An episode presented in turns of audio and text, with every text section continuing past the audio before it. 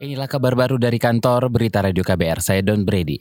Kepala Kepolisian Republik Indonesia atau Kapolri meminta seluruh perwira tinggi polisi yang mendaftar sebagai calon pimpinan Komisi Pemberantasan Korupsi memperbarui laporan harta kekayaan penyelenggara negara atau LHKPN mereka. Juru bicara Mabes Polri Dedi Prasetyo mengatakan semua perwira tinggi yang mendaftar sebagai calon pimpinan KPK telah melaporkan LHKPN-nya, tapi tidak semua dari mereka melaporkan LHKPN yang telah diperbarui. LHKPN salah satu pesan administrasi yang harus diupgrade. Ya, kan ada tujuh sudah melaporkan LHKPN-nya, cuman belum diupgrade di tahun 2018. Oleh karena dari awal kita selalu uh, pimpinan Polri menyampaikan untuk mengupdate dulu LHKPN di tahun 2018. Juru bicara Mabes Polri, Dedi Prasetyo mengimbau tidak hanya perwira tinggi yang akan mendaftar sebagai calon pimpinan KPK, tapi juga seluruh perwira tinggi polisi untuk melakukan pembaruan terkait laporan LHKPN mereka. LHKPN menjadi salah satu syarat bagi perwira tinggi polisi untuk mendaftar sebagai calon pimpinan KPK.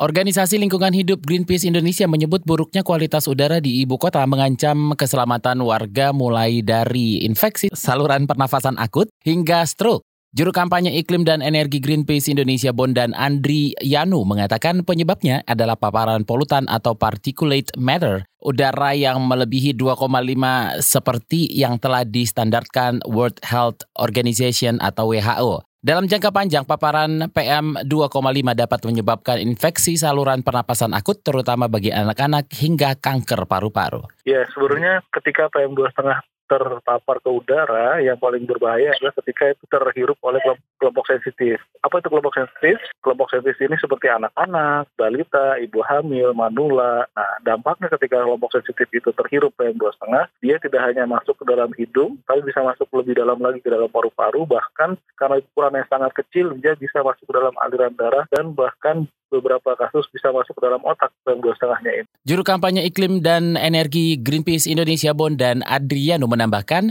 PM 2,5 dapat meningkatkan kadar racun dalam pembuluh darah yang dapat memicu stroke, penyakit kardiovaskular, dan penyakit jantung lainnya serta dapat membahayakan ibu hamil karena berpotensi menyerang janin. Hasil pemantauan udara dari Greenpeace Indonesia menyebut sejak Januari hingga Juni, sebanyak 21 lokasi di Jabodetabek terindikasi memasuki level tidak sehat. Saudara Tim Nasional Pelajar U15 Kementerian Pemuda dan Olahraga Kemenpora melangkah ke babak delapan besar turnamen Iber Cup 2019 di Estoril, Portugal.